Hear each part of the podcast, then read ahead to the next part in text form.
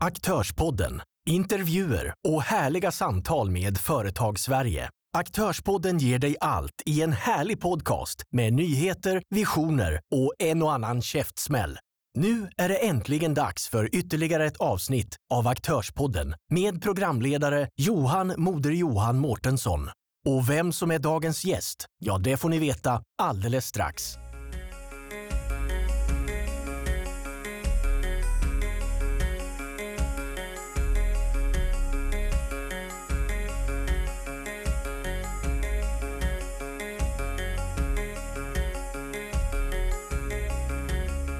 Varmt välkomna till dig kära lyssnare. Jag heter Johan Moder Johan Mårtensson och detta är Aktörspodden. Vi sitter här i centrala Göteborg på Hotell Flora och Flora Workspace och vädret är fantastiskt. Och det är det inte bara för att vädret är bra för vi har en fantastisk herre med oss här från Stockholm och inte vem som helst faktiskt.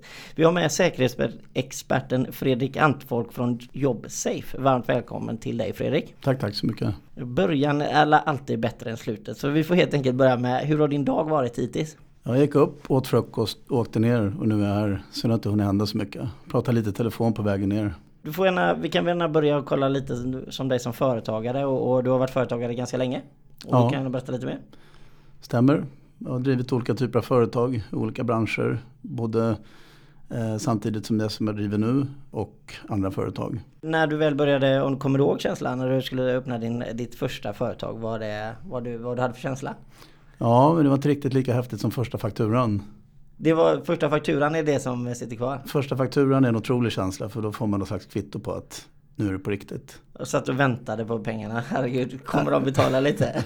ja, inte så eh, faktiskt. Utan jag är mer glad. Eh, det har varit uppenbart på något sätt att vi har gjort en affär och vi har fått betalt. Det var en häftig känsla. Okej okay, men du började i en bransch och sen gick du vidare. Och idag är du på Jobsafe eh, som du startade 2003. Stämmer. Och eh, vad, vad var det som gjorde att du startade Jobsafe om vi började? Eh, Jobsafe startade jag för att jag var verksam i bemanningsbranschen innan jag startade Jobsafe.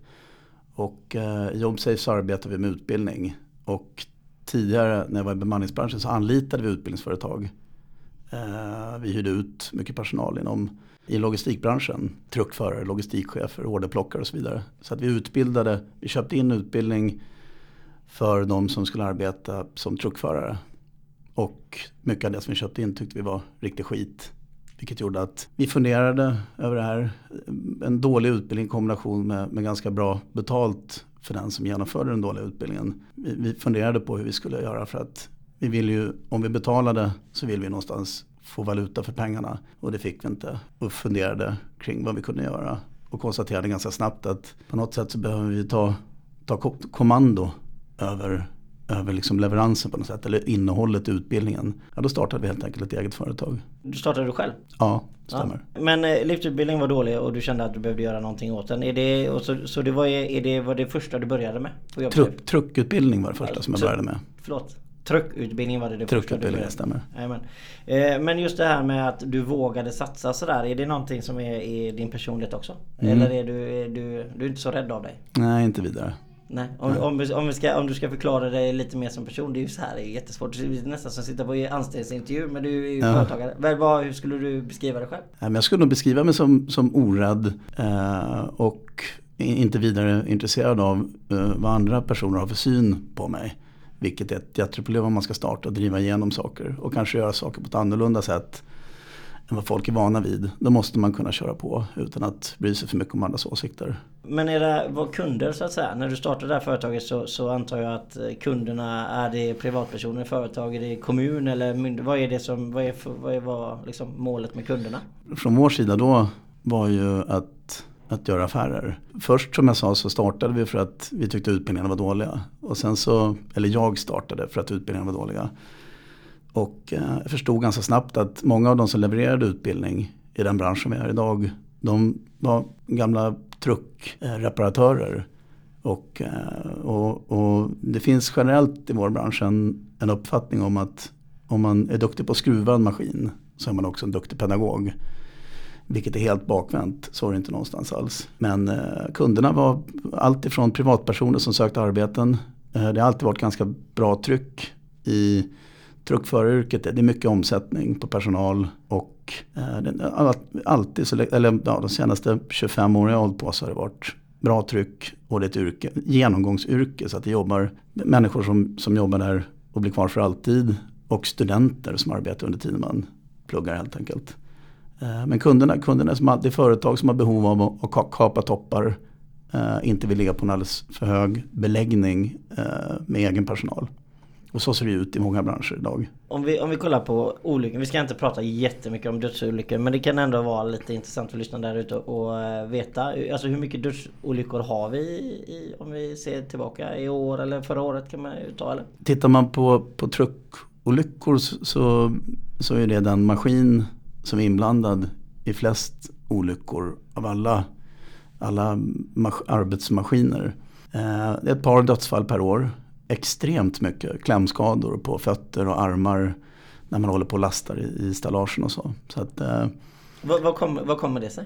Eller finns det, det är svårt kanske att säga, givetvis fall till fall så att säga. Men vad, vad, vad är de vanligaste grejerna? Det är mycket, mycket män, unga killar som jobbar i den branschen. Och det finns liksom en lekfullhet och en inte tillräcklig respekt för maskinerna.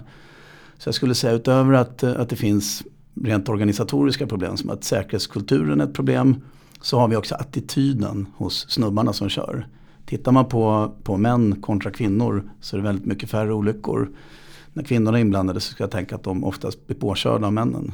Inte att de själva, de jobbar mer systematiskt, de tar det lugnt, de gör momenten så som de har blivit lärda. Medan snubbarna ska hålla på och utmana, de ska ta genvägar och hålla på. Ja, du är snubbe själv så att man trycker hellre på gasen och bromsar. ja men precis, ja, lite men, så. Jajamän, det håller jag med om. Mm. Men, men det är bygg, byggsektorn mest ni håller på med eller? Nu när jag pratar truck då är det industrisektorn. Ehm, och då när vi kom in i den här branschen Uh, idag jobbar vi med, med truckutbildning också men den stora delen är byggsektorn. Den stora delen, okej okay, vad är det inom byggsektorn ni gör då kan jag säga? Ställningsutbildningar. Du, du, kan ju branschen någorlunda. För att vistas på en ställning över två meter behöver du ha ett certifikat. Det gör vi. Eh, vi gör det och vi gör det digitalt. Eh, vilket är, är helt nytt. Eh, vi var först ut att digitalisera flera av de utbildningarna som man ställer krav på från byggarnas sida att de som arbetar ska ha.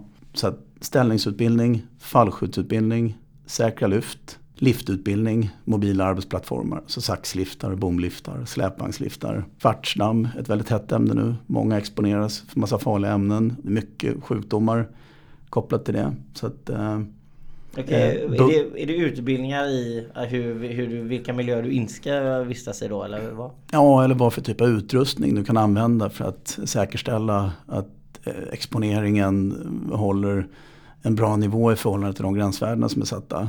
Berätta och beskriva vad som händer med kroppen. Den utbildningen är rent teoretisk medan andra utbildningar finns det praktiska moment i. Men det handlar egentligen om, om man tittar på maskinerna, så handlar det om att, att lära folk, ge dem någon slags kunskap om maskinen och hur maskinen fungerar i olika situationer beroende på vad du gör Eh, sen är det alltid så att när man ska ut och jobba, vi kan ju bara ge vissa liksom, verktyg. Sen är det upp till var och en. Så att jag brukar säga det att är, är du en, en, en, bra person som är ansvarstagande så behöver du ingen utbildning.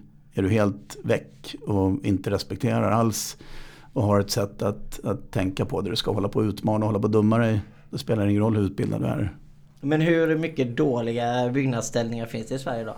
på byggarbetsplatser? Eller är det liksom, om vi, om vi tar den, vi hoppar in där lite. Förra året så, så 2018 så, så läste jag någon artikel där Byggnads hade varit ute och kontrollerat, jag tror det var tio ställningar i Stockholms innerstad. Jag tror man hade dömt ut nio som att gå inte under dem och var inte på dem. Ja för det välte ju en eh, ställning här för ja, eh, fyra månader sedan eh, i Göteborg. Ja. Jag stod ju, jag var ju inte precis bredvid men jag var 500 meter bort. Men vi hörde ju hur det small. Okej, okay, det, var, okay, det var så pass. Um, och, och, där, och, så, och det där är också jätte... För där vet jag, nu, nu vet inte jag exakt vad som hände där. Du kanske är mer insatt än vad jag var. Är det, är det, Nej, jag, jag har en, en, en konkurrent, en del väljer att säga, kallar kollega, i branschen. Ja. Men, ja, men vi digitala, det inte han. Han uttalade sig om, om det här. Och det, det gjorde han faktiskt uh, ganska bra. Det är väl egentligen det jag har sett. Det, det som går att se på nätet och, och det som går att se på nyheterna. Ja, men man var ju inte där så man ska inte... Men, men det där just med ställningar där. Är, är det inte jättevanligt att, att kanske ställningsbyggarna bygger rätt och sen går någon och tar bort hasparna? Man, man, säger ju det att folk håller på att förändra hur det är monterat från början som en del. Men sen så arbetar ju folk också uppe på ställningarna utan att använda sin fallskyddsutrustning. För man orkar inte flytta sin förankring och flytta med sig och säkra sig vartefter man klättrar uppåt. Så att, eh, det är ju ett problem också. Det finns säkert massa olika problem. Men måste, ska man ha någon gång, ska man ha liksom, vad heter det? Sele? Heter det va? Ska, ja, ska det man ha ska, det på ställning? Ja det ska man ha om man inte har eh, Det finns något som heter kollektivt fallskydd. Då har du räcken och du, du har säkrat uppställningen. Eller så kan du arbeta, eller ja, på ställning ska du ju ha kollektivt fallskydd. Men när du jobbar med fallskyddsutrustning generellt. På tak, eh, tak och sånt eller? Precis, så ska du ju förankra eh, där du är. Och där finns det sällan kollektivt fallskydd. Okej, okay. och sen är det, sen är det, jag har sett lite bilder faktiskt den senaste så här och då har ju de många eh, sele och sånt när de åker lift. Ja, mm. Det ska man också ha. Det ska man ha. Eh, man, får, man får göra som, som i så många andra fall, som du säkert behöver göra i ditt eget jobb. Så behöver man göra ett slags riskbedömning i, i, egentligen i varje situation där man arbetar. Och riskanalys, riskbedömning, eh, kalla det vad du vill. Men man behöver egentligen eh, fundera kring vad det kan tänkas finnas för risker i det arbetsmoment man ska göra.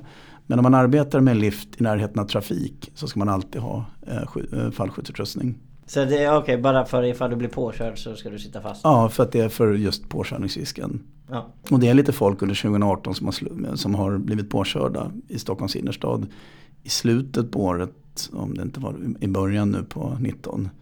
Så det, det händer en hel del. Ja, för jag har sett, eh, och jag tror att vi alla har sett som är hyfsat aktiva på sociala medier. Man har sett de här bilderna när folk kör väldigt fort förbi eh, arbetsplatserna.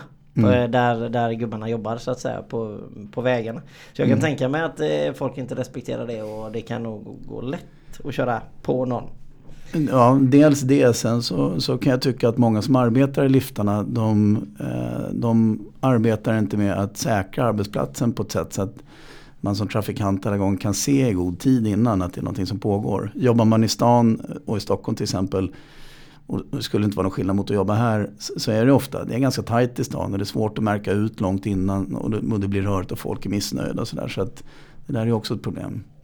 Eh, teknologier, om vi hoppar på det lite. Och jag menar det har ju ganska mycket att göra ändå med säkerheten. Det kommer nya saker. Och eh, har vi någonting som eh, vi skulle behöva tillföra just marknaden som vi inte redan har i teknologiskt för att kunna ja, ha det säkrare? Det är ju en, en bransch som är oerhört konservativ. Och när det kommer till, till arbetarna som arbetar produktionen så tycker jag att där sker inte vidare mycket innovationer.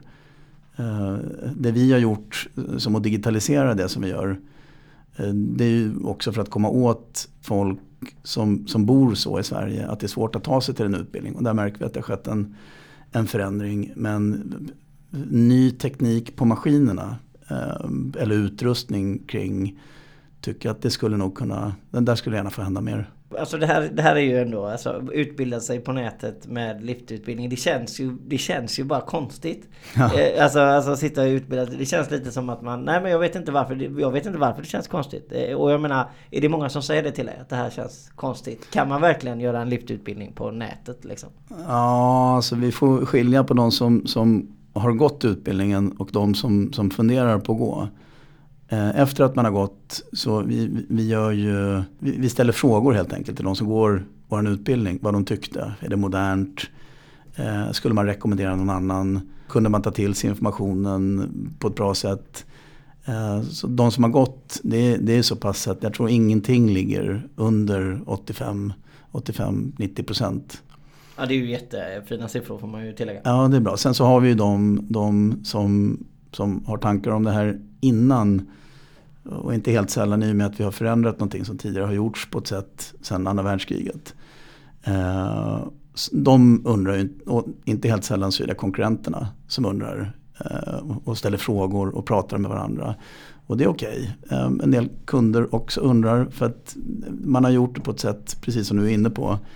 Det har sett likadant ut och förändring är alltid lite obehaglig. Jag tror att en del av det är att, att myndighetskraven talar inte om att, att eh, en, en utbildning är liksom en utbildning. Du, du, behöver inte lyssna på någon som, som står i ett konferensrum och pratar eh, framför en powerpoint. Utan det viktiga är ju att man tar till sig informationen. Men är det inget praktiskt? Jo, på, tittar man på till exempel liftarna som du talar om så är det ett teoretiskt moment som tar någon timme att göra och sen så är det ett, praktiskt moment som genomförs hos någon av våra samarbetspartners runt om i Sverige. Okej, okay, så, okay, så ni har kopplat ihop massa olika företag så att man kan vara överallt och göra? Vi finns på 40 orter idag. 40 ja det är ju fruktansvärt. Det är ju nästan heltäckande det försöker analysera det så. Kan jag säga. Är det Norrland? Det är lite svårt. Nej det är svårare i Malmö. Ja det är svårare i Malmö av alla ställen. Och där ja. trodde vi skulle vara lättare än här kanske. Men här var vi tidigt ute.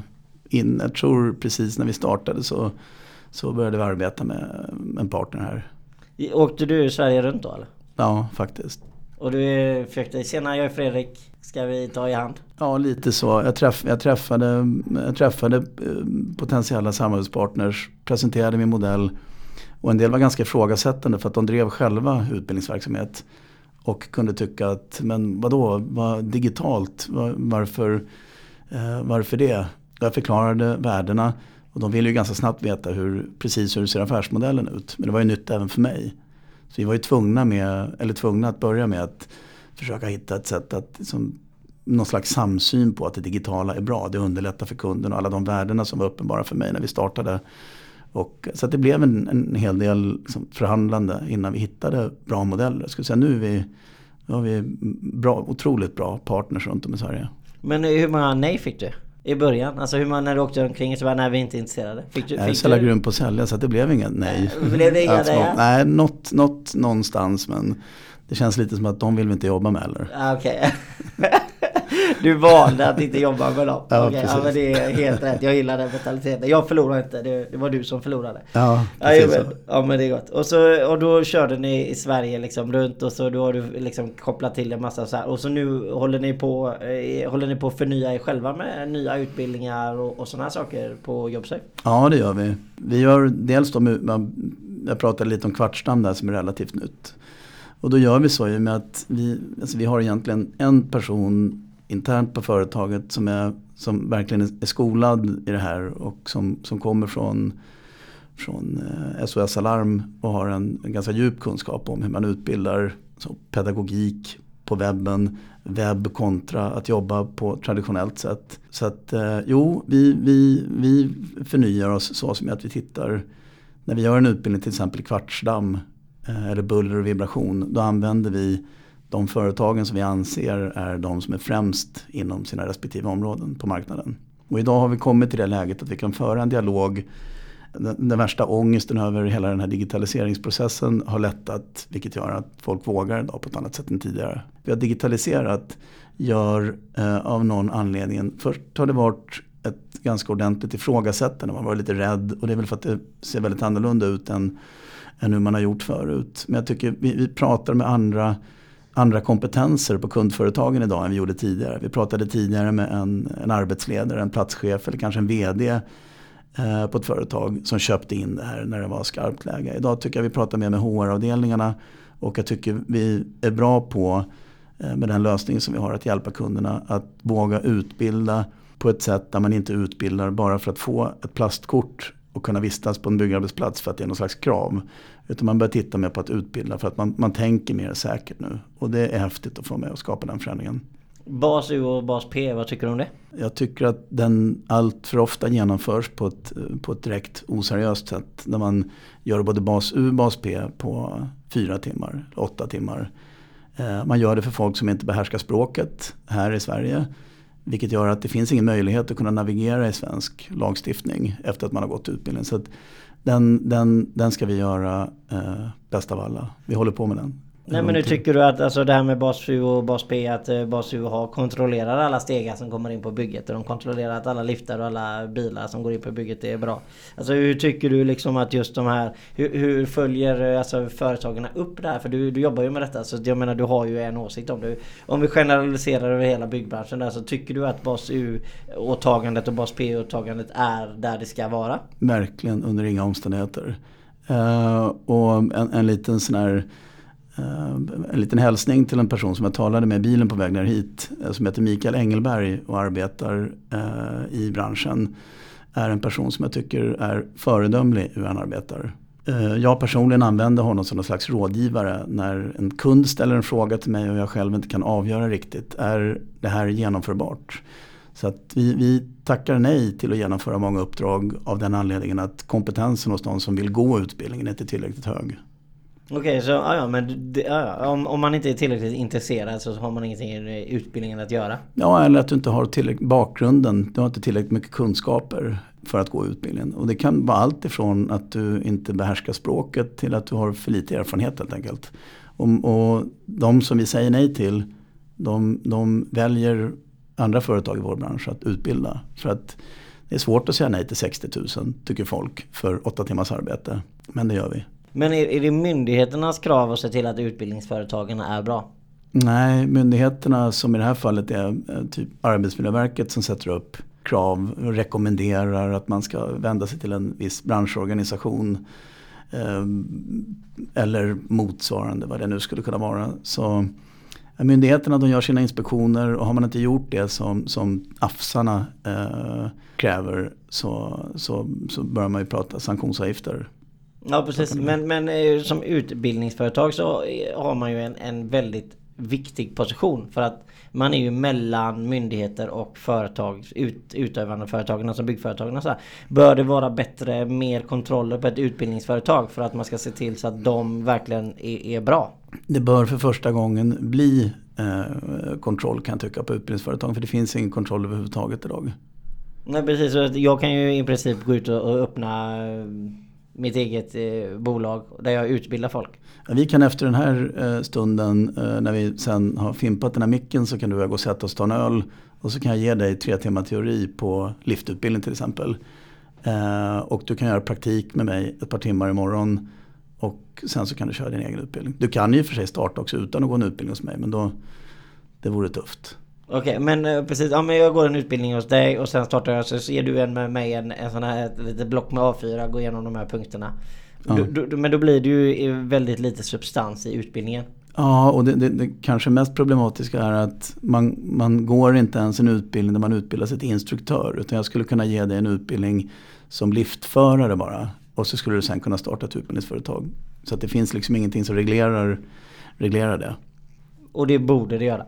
Det borde det absolut göra i någon mening. Sen precis hur den skulle se ut, det, den passar jag på. Okej, okay. givetvis. Alltså, det är ju lite svårt. Men det får vi återkomma till sen, Men det gör vi ju inte. Eh, vad är det då som driver dig som person? För att du håller på, vi ska gå in lite på det här med LinkedIn. Du är ju aktiv på LinkedIn. Det var ju så jag eh, upptäckte dig. På ja, LinkedIn. Härligt. Eh, det var ju så det har vi... gett lite effekt. Jag har ja. köttat, på den nu i två, två, tre år. Men vad är det som driver dig att hålla på med LinkedIn till exempel? LinkedIn, när vi, när vi valde att digitalisera så började jag med att digitaliseringen föranleddes av en, en massa kritiskt tänkande från min sida på dels hur man genomför utbildningen och det, det finns, eh, finns organisationer som på något sätt ska reglera eh, utbildningarna. Eh, och eh, jag började undersöka lite för jag, jag ville se hur liksom kommunicerar man Eh, den här typen av frågor. alltifrån allt ifrån eh, arbetsplatsolyckor, utbildning och så vidare. Och konstaterade att det, det skedde liksom inte. Nu tittade jag bara på LinkedIn. Och eh, konstaterade att det fanns en, jätte, en massa kompetenta personer där. Men man pratade inte om det här. Och jag satte igång och, och gjorde det ganska intensivt och har gjort det sedan dess. Och idag skulle jag säga att, eh, att det gör man dagligen. Även från de stora, riktigt stora byggherrarna. Och sen är det ju så här att det finns ju, utan att nämna någon namn, så, så är det ju så att du kan ju lägga upp en bild på en eh, arbetare bakifrån som jobbar med något som inte är godkänt. Ja. Så kan ju komma in en person och säga men det där ska du inte göra. Uh, jag känner att det blir lite skevt fokus i och med att jag skulle aldrig lägga ut en bild där man kan se vem personen är. Och uh, i min värld så tänker jag att den personen som går in och säger, precis som du sa, är nog mest orolig för att själv bli fotograferad. Du kände att de, de skarvar lite själva? ja, men det, det, finns, en, det finns en, en sån känsla kan jag tycka när vi kommunicerar med varandra. Att, att man själv tycker att det är obehagligt. Man skulle inte vilja bli påkommen med, med att bli fotograferad på det sättet. Så att, eh. Ja precis, jo, men nu är det ju inga ansikten så man har ingen aning vem personen egentligen är. Men ja, jag, för, jag förstår vad du menar. Ur, men är det, är det viktigt att lyfta de här frågorna? Känner du att det här, det här är viktigt? Det här är inte bara en sak jag gör utan det här, det här är faktiskt viktigt? Ja men så är det. Alltså vi, jag i egenskap, höll på att säga, av mig själv men också för, som representant för för Jobsafe i det här läget tycker att eh, det är extremt viktigt att driva den här typen av frågor. För att eh, Eh, det, det händer jättemycket olyckor varje dag. Det dör en massa människor varje år. Eh, det dör personer varje vecka i princip i byggbranschen. Så att, eh, det har ju kommit att bli någon slags mission vi har. Att, att faktiskt verkligen vara del i att påverka, påverka marknaden så mycket genom det som vi själva gör. Så att, så att vi är med och, och minskar antalet olyckor. Ja, men för, jag tänker bara så här när vi pratar lite utbildning du, du pratar lite så här. Du tänker så här, att alltså själva utbildningen och så när folk har gått ut utbildningen här och nu, nu ponerar jag bara. Men då tänker jag så här, då är man ju jätteduktig i början. Och så där. Men hur, hur gör man för att strukturellt se till så att saker och ting efterföljs? För jag, jag, tänker mer att alltså, det är inte så svårt den första månaden att efterfölja det som man gick igenom i utbildningen. Men sen efter ett halvår, ett, ett, ett, efter ett år, då känns det som att då kanske man genar lite och så genar man lite till och så genar man lite till. Hur, hur ska man göra som ett företag för att se till att det efterföljs? Ja, där har ju arbetsgivaren ett ansvar att se till att driva på och arbeta systematiskt med, med, med de frågorna. Eh, problemet är när en, en kund ringer in till oss och så vill de köpa en utbildning åt sina anställda.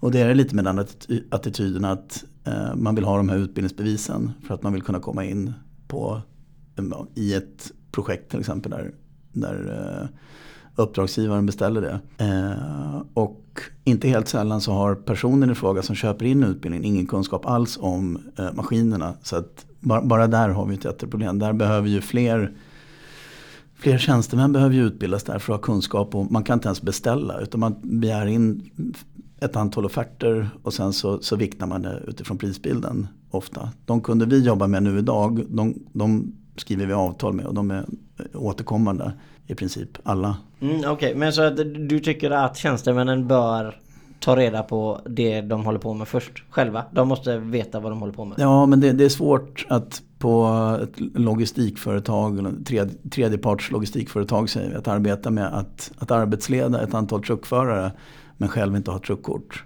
Så att, ja, absolut behöver, behöver det ske en förändring där digitaliseringen som ni gjorde. Är, det, är, är ni det enda företaget i Sverige som håller på med eh, onlinekurser? Det finns ett företag i branschen som, som, har, som har norpat eh, det som vi har gjort. En, ingen nämnd, ingen glömd. Nej, precis. Ingen kollega utan det här är en konkurrent. Uh, I allra högsta grad. Ja, jag menar det. Jag menar det. Ja. Herregud, man, ska, man ska säga det sakerna till i rätta namn. Och man, säger, man behöver inte alltid göra det så himla fint.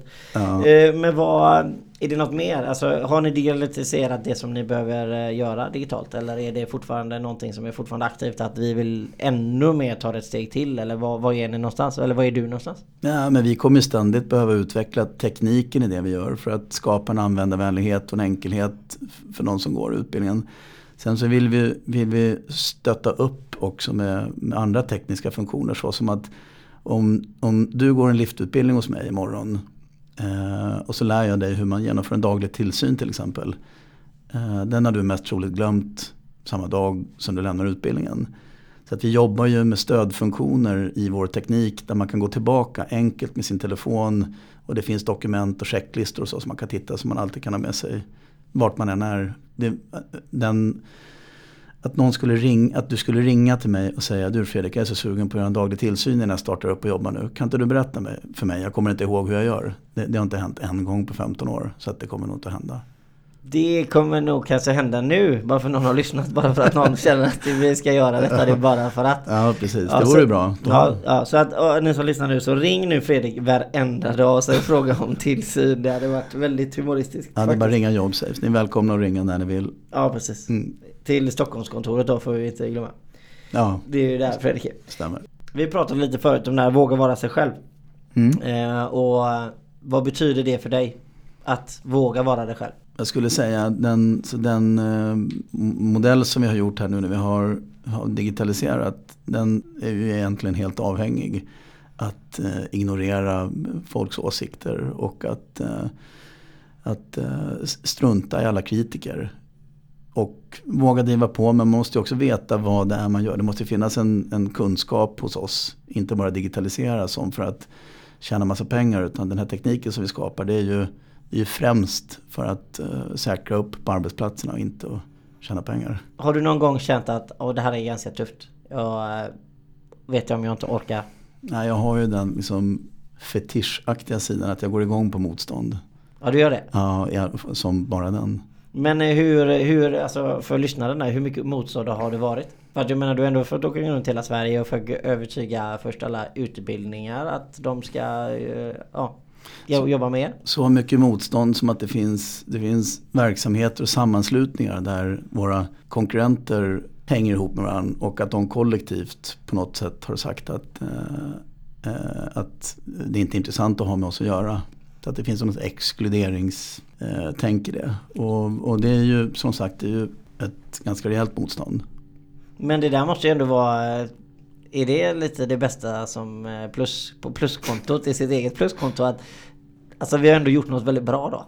Ja men så är det ju och att våga driva på och att våra kunder berättar för oss Dels genom att de anlitar oss men, men hur de också, den feedback vi får verkligen tycker att det vi har skapat är bra. Det underlättar och, och det, ja, det, det förenklar möjligheten för företagen att genomföra utbildningen. Och, ja visst, verkligen. Om, vi, om du ska förklara din, vad är din exakta roll på Jobsafe just nu?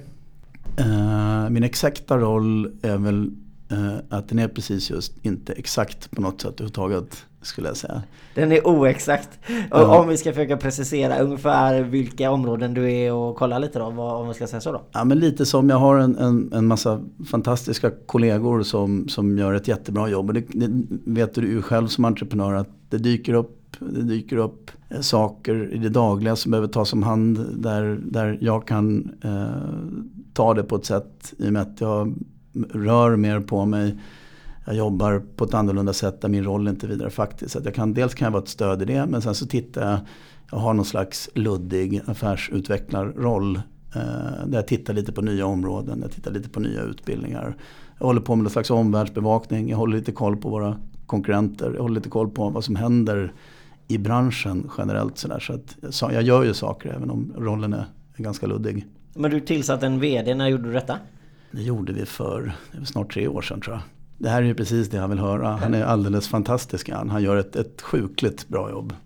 Och vad heter denna VD? Denna vdn heter Marcus Ljusstad och, eh, och han har gjort ett alldeles sagolikt arbete under den tiden han varit inne. Så ni, ni är kollegor kan man säga. Han är min chef. Han är din chef, det är faktiskt sant. Ja. Hur, eh, om vi säger framtiden då? Hur, eh, vad, vad, vad är ni någonstans? Har ni några utvecklingsområden ni känner att eh, om, om vi drömmer lite, var, var är vi någonstans? Om vi svävar iväg lite, för det är alltid skönt att ha lite visioner. Svävar iväg lite så, eller vi behöver inte sväva, sväva iväg så mycket för att det händer lite saker precis nu eh, som vi kanske inte hade tänkt på från början. Där, där flera av våra kunder ber oss om saker som, som vi inte hade tänkt tidigare helt uppenbart skulle ske. Så som att man, man vill jobba med egna utbildningar, interna utbildningar. Där man i ett byggprojekt till exempel vill, vill eh, lära sina underentreprenörer att när ni jobbar hos oss som någon slags arbetsplatsintroduktion eller så här jobbar vi på byggföretag X. Så tillsammans med, med kunderna så har vi börjat göra den typen av projekt. Vilket också är väldigt roligt för att det, det, det visar ju också på att arbetsgivarna, de kunderna, byggföretagen är intresserade av att, att utveckla och att jobba ännu mer med att liksom säkerställa kompetens och tänka säkert. Ska ni börja prata ett nytt språk? Eh, jag kommer inte prata något fler språk än vad jag gör nu. Däremot så, så översätter vi ju eh, portalen och utbildningarna vi har på en massa olika språk. Så att ni kommer vara eh, om eh, 2029, då är ni globala. Mm, 2020 är vi globala. 2020, okej då. Det är i alla fall ett, två år, eller vad är det? Ett år bara nu. Just det, det är 2019 redan. Och en bit in i 2019 Ja, också. här. Ja, nej, men vi, vi siktar på att, att titta på eh, att arbeta i andra länder än här. I och med att vi får förfrågningar av kunder som är etablerade på, i, ja, i andra länder. Om vi pratar rent företagande, hur eh, ska man göra för att hitta bra personal? Mm, Du hade ju hittat en VD som du är jättenöjd med så att säga. Hur, hur, om någon annan sitter i samma situation som du är, hur ska man göra för att tillsätta sin egen VD? och hitta den typen av vd som är, som är så pass lämpad för det som, som vår vd Marcus gör hos oss. Det tror jag det, ska vara liksom timing och, och flyt och, och det ska finnas ett förtroende från, från vdns sida att arbeta med de som, som driver företaget. Tänker jag också i det här fallet ja. Men att tillsätta bra personal det är ju bland annat en av de sakerna som Marcus är bra på. Ja vad är ni då om, eh, inte 2029, om, ni, om vi säger fem år istället då på Jobsafe. Vad, vad är ni om fem år? Om fem år så, så tror jag att utöver att vi arbetar med det som vi gör idag så har vi nog tagit det här så, så pass mycket längre så att vi levererar tror jag både till, till den kundkategori, det vill säga bygg och industri som vi jobbar med idag men även andra branscher. Helt, Sen, helt nya? Ja. Ja det är gött. Det gillar jag. Helt nya branscher. Det, ni hörde det först på Aktörsbaden. Om eh, privat fem år, vad är du då? Privat om fem år? Har du lärt dig något nytt? Eh, jag lär mig massa varje dag men det, det är ju mycket arbets, arbetsrelaterat det som jag lär mig. Så privat... Eh... Hinner du med det privata? ja men så är det. Jag har ganska bra med tid tycker jag eh, åt eh, det privata. Men, eh... Tycker andra också att du har mycket tid? privat? Eller, ja, är, det, eller är det bara du som tycker det? Det är också lite så tolkningsfråga eller definitionsfråga framförallt. För att, att, att arbeta på det sätt som jag gör och som jag alltid har gjort. Det är ju faktiskt mer av en livsstil än ett arbete. Så att eh, jag fortsätter nog att jobba privat. Eh, jag fortsätter nog att arbeta eh, på fritiden och vara liksom privat på jobbet. Ja, men det förstår jag. Det, förstår ja, jag. det där du... går liksom ihop på något sätt. Så att... Kom, kommer du fortsätta samma sätt på LinkedIn? Heter det LinkedIn? Eh, Link. LinkedIn hade jag sagt men ni okay. talar lite annorlunda här. Ja, så det är helt okej. Okay. Ja. Det funkar. Jag ja, fattar vad du menar. Ja, tack, tack, tack. Vad kommer du fortsätta på samma sätt? Ja men det kommer jag att göra tänker jag. Och jag hittar ju nya sätt att arbeta på det där. Och sen så har jag en, en, en kille som jobbar med, med vår marknadsavdelning och jobbar i andra sociala medier. Men jag kommer fortsätta på på LinkedIn. Det ger, en, det ger oss en massa uppmärksamhet och vi får en massa förslag till både samarbeten och, och vi bjuds in i, i massa tänkbara sammanhang. Det här, bara det här är väl ett, ett bra tecken på att, att det som vi gör eh, ger en effekt. Och det här når ju ut och är ytterligare en kanal för oss att kunna kommunicera. Typ det som vi har pratat om. Ja men självklart. Alltså, men är, om, om vi säger bara för företagandets sida, om vi säger om vi kopplar ifrån allting vi har pratat om utan vi tänker bara på en ren företagare. Är LinkedIn en bra, ett bra forum? Verkligen ett bra forum. Berätta varför. För att, eh, eller det, det är ett bra forum om du förstår vad du ska använda det till och som i så många andra sammanhang om du kan hitta din målgrupp och att, lite som att jobba på Facebook eller på Instagram så behöver du ändå ha någon slags plan med vad du ska göra. Eh, vad för frågor du vill driva och, och, vad du vill framställa dig själv som. Så att jag skulle säga att det är jättebra men man behöver tänka till vad det är man vill kommunicera där och vem man vill framstå som. Om vi säger att eh, ordet är fritt. Är det någonting du skulle vilja trycka på som vi inte har pratat om? Dels så vill jag tacka de anställda som har hängt med och hänger med på, på den här resan som vi gör. Eh, jag vill även tacka all, alla personer i mitt nätverk som är med och driver den här typen av frågor. Eh, och som jag sa tidigare, det finns en oerhörd kompetens där och jag tänker att om vi fortsätter att mata de här frågorna och inte ger oss upp så kommer vi till slut att kunna påverka på ett sätt så att vi verkligen eh, får till en, en förändring. Och sen givetvis så har vi ju massor med, med, fina kunder och vi har samarbetspartners som, som underlättar för oss när vi ska genomföra framförallt de praktiska delarna för våra kunder runt om i Sverige. Då sätter vi helt enkelt punkt från detta eh, avsnitt av Aktörspodden. Och stort tack för att du har lyssnat. Jag heter Johan Mod Johan Mårtensson och detta är Aktörspodden. Vi har haft med oss Fredrik Antfolk från Jobsafe och vi sitter som sagt på Hotell Flora och Flora Workspace i centrala Göteborg. Tack!